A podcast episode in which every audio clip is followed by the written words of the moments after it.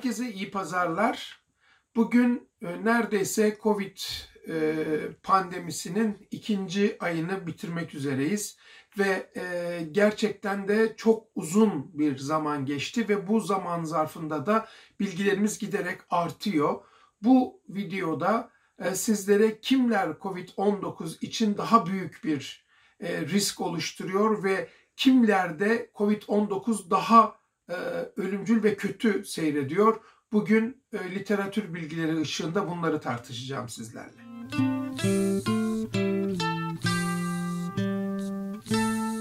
En önemli risk faktörlerinin başında yaş geliyor. Gerçekten de hem Çin'den çıkan veriler hem İtalya verileri hem e, özellikle New York olmak üzere Amerika Birleşik Devletleri'nden gelen veriler gerçekten de hastalığın ileri yaşlarda daha önemli olduğunu ortaya koydu. O yüzden biz günlerdir Türkiye'de de 65 yaş üstü popülasyonun e, durumunu tartışıyoruz. Gerçekten de ölüm oranları e, göz önüne alındığında en büyük risk grubunu ileri yaştaki hastalar oluşturuyor. Neredeyse e, yoğun bakıma alınan ve kaybedilen hastaların %80'i 65 yaş üstündeki hastalar ve 20 yaş altında da neredeyse hemen hiçbir kayıp görülmüyor.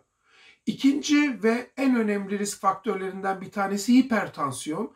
Ee, Birçok seride bu oran %70'li e, rakamlarla ifade ediliyor. Gerçekten de hastaların neredeyse %70'i hipertansiyon hastaları ama hipertansiyonun toplumdaki yüksek görülme oranlarını da göz önüne alırsak bu değerlendirmeyi bu yüksek oranlarla birlikte yapmamız gerektiği ortaya çıkar. Örneğin Türkiye'de hipertansiyon sıklığı %30 ile 33 arasında değişiyor. Birçok çalışma var ve 65 yaş üstünde neredeyse nüfusun %70'inin hipertansif olduğunu görüyoruz. Amerika Birleşik Devletleri'nde siyahi Amerikalıların e, çok daha büyük risk altında olmalarının bir nedeni de gerçekten sahip oldukları hipertansiyon. Hipertansiyon bu nedenle listenin başlarında yer alıyor. Bir diğer önemli e, risk faktörü diyabet.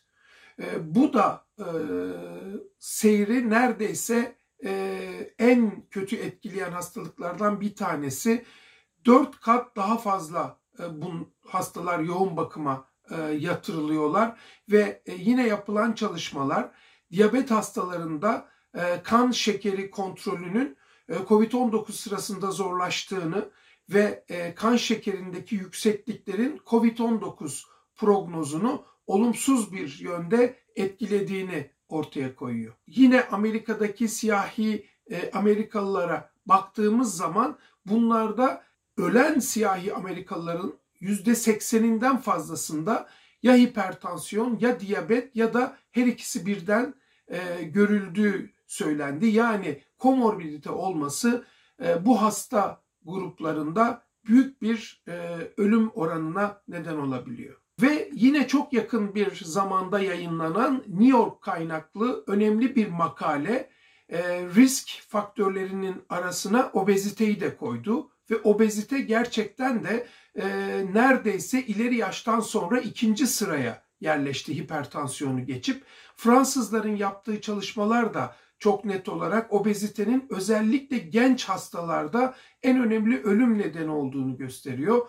Ee, vücut kitle indeksi 35'in üzerinde olan kişilerin çok daha kötü seyrettiği COVID-19 enfeksiyonu sırasında net bir şekilde ortaya konuldu. Ee, kronik akciğer hastalığı olan hastaların da bir risk grubu oluşturduğu yine yapılan serilerle net bir şekilde ortaya konuldu. Ancak bunların arasına astımı katmak konusunda e, bilim insanları çok kararlı değil. Tam tersine astım hastalarının e, aslında COVID-19'a yakalanma riskinin normal popülasyondan çok da farklı olmadığı e, görülüyor. Ancak buna karşılık hafif ve orta şiddetteki astım hastalarındaki bu seyre karşılık ileri astımı olanlarda hastalığın daha kötü gittiğiyle ilgili de e, ipuçlarının olduğunu biliyoruz. Öte taraftan astım alevlenmelerinin en önemli nedeninin e, enfeksiyonlar olduğu, viral enfeksiyonlar özellikle influenza, H1N1 enfeksiyonu yani bildiğimiz ismiyle grip olduğunu bildiğimiz için yine de astımlı hastaları da dikkatle takip etmek gerektiği ortada gözüküyor. Bir diğer önemli risk grubu ise kalp hastaları. Bunlarda da hastalık seyrinin diğer popülasyona göre, normal popülasyona göre biraz daha zorlu ve e, kimi zaman daha kötü seyrettiğini biliyoruz. Bunun dışında hiperlipidemisi olanların, böbrek bozukluğu olanların, Alzheimer ve demans hastalığı olanların seyrinin de e, normal e, kişilere göre biraz daha kötü gittiğini e, biliyoruz.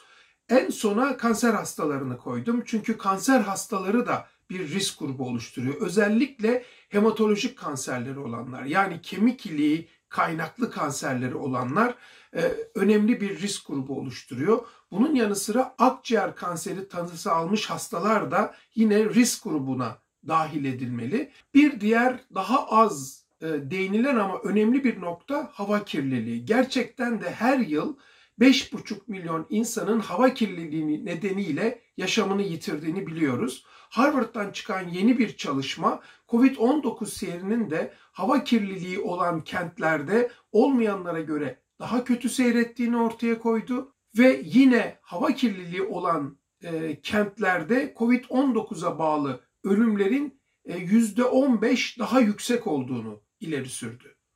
E, bu da hava kirliliğinin bağımsız bir risk faktörü olarak dikkate alınmasını e, gerektiriyor. Bir diğer önemli risk faktörü de erkek olmak. Bunun birçok nedeni var.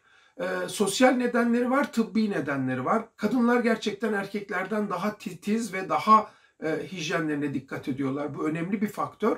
Ama bir diğer önemli faktör sigara. Erkeklerde sigara daha çok tüketiliyor ve sigaranın da bu arada söyleyelim bağımsız bir risk faktörü olduğu ve sigara içenlerde 2.4 kat daha fazla hastalığın e, ölümcül seyredebileceği ile ilişkili e, çalışmalar yayınlandı.